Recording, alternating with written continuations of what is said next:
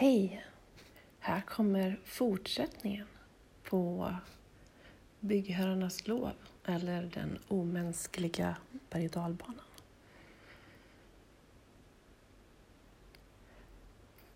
Ta det här med molnet till exempel. Flera av mina kollegor började under eh, fikarasterna prata om moln av insekter. Lite mer ingående så drömde jag att jag och mina kollegor hittade en flicka som var värdefull för oss. Jag kom till en plats där hon hölls i förvar. En underjordisk plats med högt i tak. Ett bibliotek av något slag. Ingen bevakning verkade finnas och jag kunde obehindrat smyga förbi halvväggen i betong. En äldre man satt utanför. Han tittade på mig när jag gick förbi, flinade åt mig, men sa inget och hindrade mig inte. Han satt där bara på sin stol och rökte. Inne i byggnaden fann jag flickan. Hon var oskadd, men verkade av någon anledning ovillig att lämna rummet där hon satt.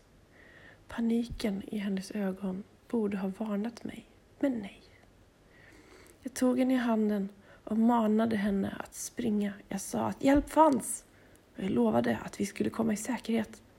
Vi sprang så fort vi kunde och vi var halvvägs genom en intilliggande park när vi såg molnet. Svart och surrande och målmedvetet rörde det sig närmare och närmare oss. I våra huvuden dånade det plötsligt in en könlös, drypande röst. Det kommer inte att döda er, men eh, för att ni inte ska kunna tala om det här för någon så kommer de nu att äta upp era läppar. Så skalbaggarna som var röda som blod, miniversioner av ekoxar, myllrande, fasansfullt många. De gjorde som de var tillsagda och tuggade i sig läpparna ur våra ansikten.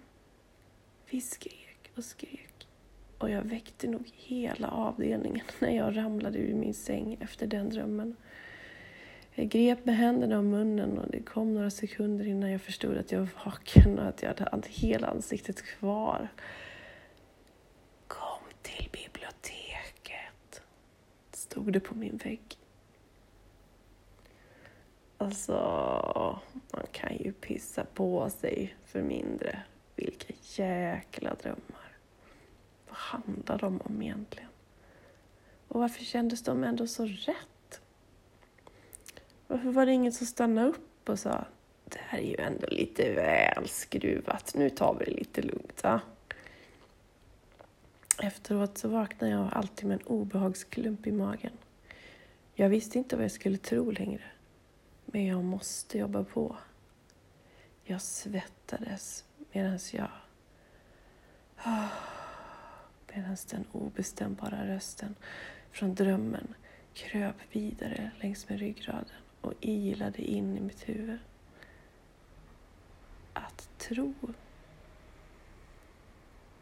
Det handlade inte om att tro, sa rösten. Det handlade om att skoningslöst veta. Men jag bestämde mig för att inte låta det knäcka mig. Ah, det var förmodligen, det, det var förmodligen alkoholabstinens som talade. Min man hade tjatat sönder öronen på mig med sina fåniga drömtolkningar som han lät för mig under åren. Han skulle väl säga att flickan var jag och att jag måste rädda mig själv från att bli uppäten av mitt jobb och av alkoholberoendet.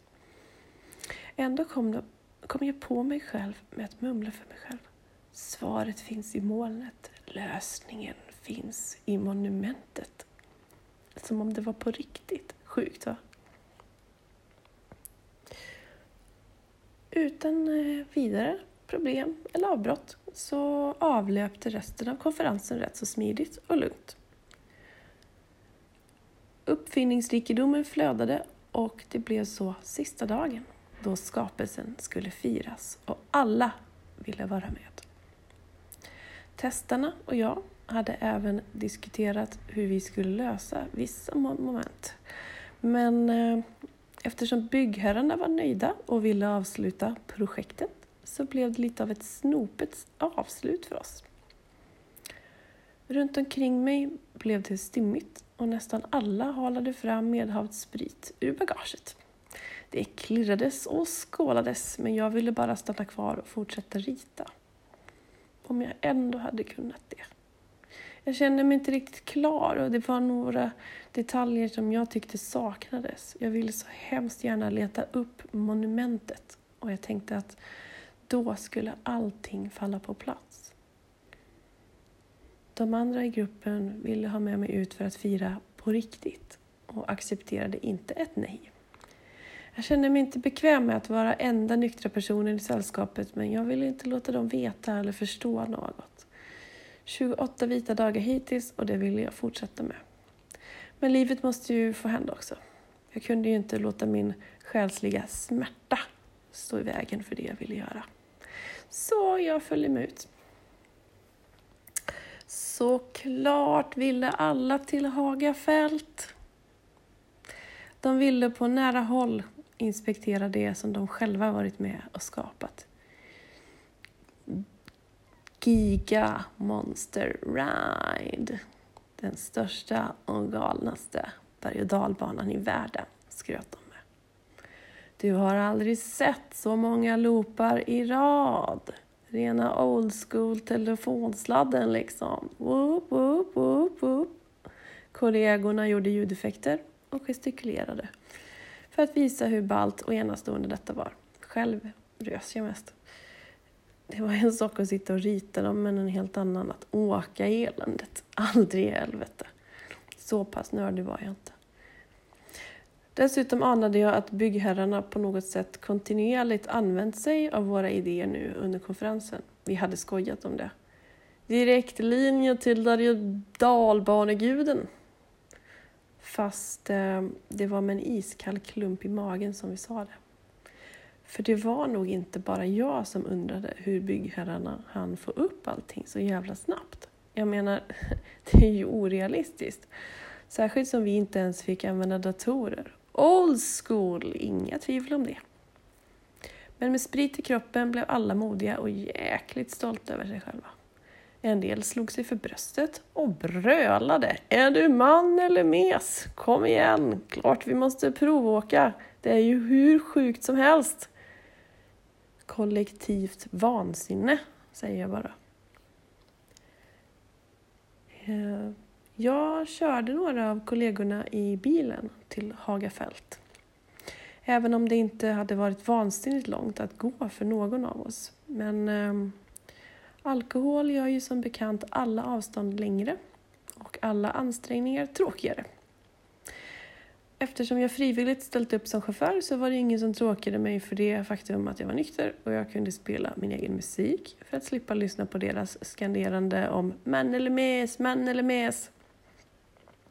Jag satte igång en industrisyntlåt som både pulserade och smekte eh, med den monotona musiken och den ljuva kvinnliga stämman som viskade fram texten. Det var lugnande för mig, men kanske tråkigt för de andra. Men skitsamma. Jag behövde ladda inför den här kvällen och musik hjälpte alltid.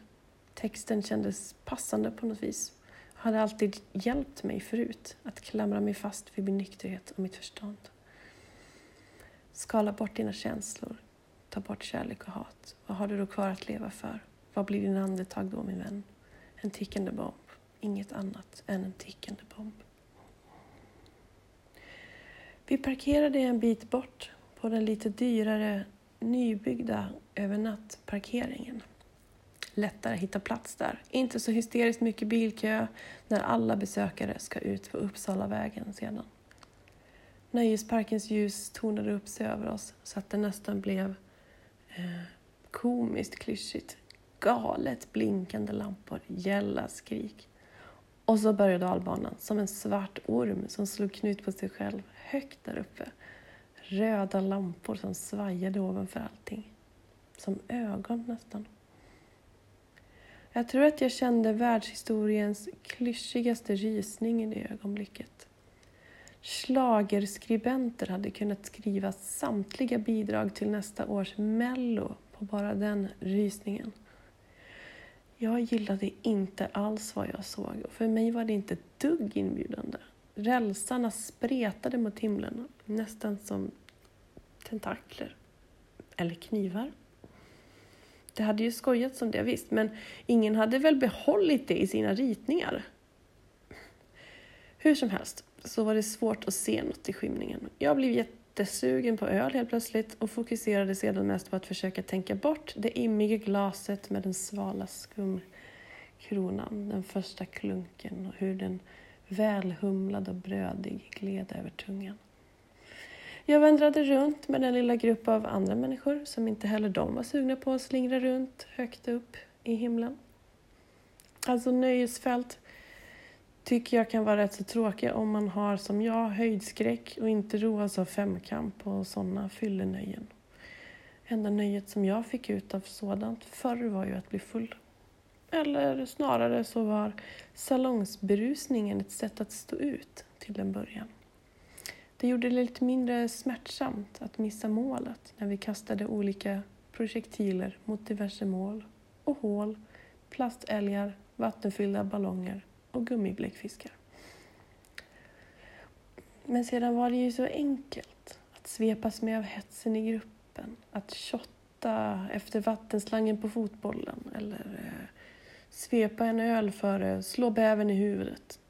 Öl var ju ändå gott och det var svårt att säga nej till de nästa tio ölen. Så blev suget triggat för mig och eh, sådana kvällar gick jag alltid sent till sängs med Hela havet stormar innanför pannbenet. Så, höjdrädslan till trots så kände jag att jag ändå ville försöka utmana mig själv en aning. Klättring var ju inte en del av någon hetsig femkampskultur utan man tog sig uppåt i egen kamp och egen takt. Där fanns klassiska klättringsgrepp på vägg. Och så det lite mer snälla gummerade klätternätet, vilket också kändes aningen säkrare och mer i min smak. Plus att jag då fick behålla kontrollen själv och kunde stanna när jag ville, vilket man inte kan när man sitter fastspänd i en vagn 200 meter upp i luften. De andra i gruppen hejade pliktskyldigt på med ivriga tillrop om att jag skulle kämpa och så vidare. Halvvägs upp blev dock mina armar och ben till skakiga geléråttor och jag blev hängande utan att komma vidare. Mina händer hade stelnat fullständigt och inälvorna låg i hårda knutar. Du klarar det. Du fixar det. Du... De tystnade plötsligt. Jaha, vad nu då? Jag tvingade huvudet runt för att kasta ett öga bakom mig. Mina muskler hade helt slutat lyda mig och jag fick liksom tänka igång dem. Så ja, runt med huvudet, vrid på nacken. Jag tänkte kolla om de andra hade gett sig av till närmsta pub eller bara hittat något annat kul att titta på. Nej, de var kvar. Stod där alldeles blickstilla med munnarna öppna. En rad med mänskliga fågelholkar. Det var så de såg ut. De såg rätt lustiga ut. Och i ungefär en sekund så fick jag ett skrattanfall och kände hur musklerna slappnade av lite. Jag bytte grepp och började fundera på var jag skulle sätta foten för att börja ta mig nedåt igen. Men då såg jag vad det var de tittade på. Någonting där uppe som eh, men det är ju omöjligt. Alltså jag, jag kunde svära på att, eller? Berg och dalbanan. Giga Monster Ride. Den högsta, snabbaste, grymmaste, eh, grymt kul eller? Banan som världen någonsin skådat enligt oss. Den som vi deltagit i att bygga under den senaste veckan. Den som var enorm redan när vi klev in på Hagafält. Men nu, nu hade den vuxit. omöjligt, visst, men det var så det såg ut. Siluetten av Giga Monster Ride var nu bredare, högre, närmare, mer slingrande. Såg den bara större ut för att jag befann mig lite närmare den nu? Eller? Det var så jag ville tro i alla fall. Medan jag hängde där i nätet med munnen på glänt precis som en av de andra fågelholkarna så såg det ut som om monsterbanan växte ännu mer. En av rälsarna bågnade plötsligt uppåt alldeles för snabbt, snärtade utåt där uppe och jag tappade halvt greppet om klätteröglan av ren förvåning. Någon i gruppen ropade högt det som jag redan tänkte. Det måste vara ett trick, att man ska tro att den växer. Det är en del av själva upplevelsen. Att man ska bli rädd och tro att nu är det kört. Snart kommer finalen. Vänta bara, det kommer bli så häftigt. Fast jag tvivlade ändå lite just på den biten. Men ändå skulle alla plötsligt både filma och fota monsterbanan till alla möjliga sociala nätverk och de hoppades väl på att äntligen få några följare till sina konton. Jag gled och jag halkade sista vägen ned från klätternätet och jag kände knappt brännmärkena som gummiytan gjorde mot handflatorna. Väl nere på marken var det svårt att inte fortsätta glo på spektaklet där uppe. Vi visste inte vad vi skulle tro längre. Det var så häftigt att det var sinnessjukt. Och vi var rädda, uppspelta, nyfikna.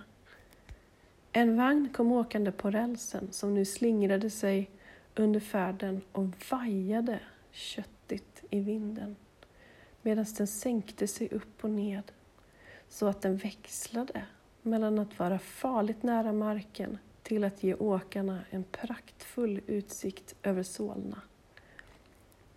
Men utsikten var nog inte prioritet nummer ett för folk i vagnen. Eh, de, de skrek mest, lite förgällt och desperat. I ett eh, av de mer markgående ögonblicken, där rälsen svepte förbi farligt nära oss, såg jag en glimt av någon som liknade en kollega som klöste och ryckte i säkerhetsbältena med näsblodet forsande. De röda lamporna ovanför allting kom närmare, växte ut genom kolsyreröken och de satt på någonting som såg ut som ett stort svärformat huvud som satt ihop med flera av de rälsar som nu slingrade sig i luften och då åkte vagnen upp och ut. och Nej, lägg av inte det! De gjorde det, hur fan visste de? Argt och besviket skrek vi, som om byggherrarna skulle höra och be om ursäkt, liksom. med mössan i hand, för att de stulit våra kasserade idéer. Men såklart var det ingen som behagade svara just då. Och om vagnen slungades ut och uppåt i luften, inte längre med räls under sig. Vi såg hur en enorm tratt öppnade sig ur röken. Den var av samma färg som rått fläskkött och på inre sidan av tratten satt flera rader av ljusare stalakitformade lampor. Det där, det där var lite för bra för att vara byggt av några av oss ingenjörer. Fyllon som gillade att bygga roliga konstruktioner och dricka kopiösa mängder alkohol. Ett jäkligt sjukt skämt som någon snickrat ihop på fyllan. Hade det nu tagits på allvar av byggherrarna?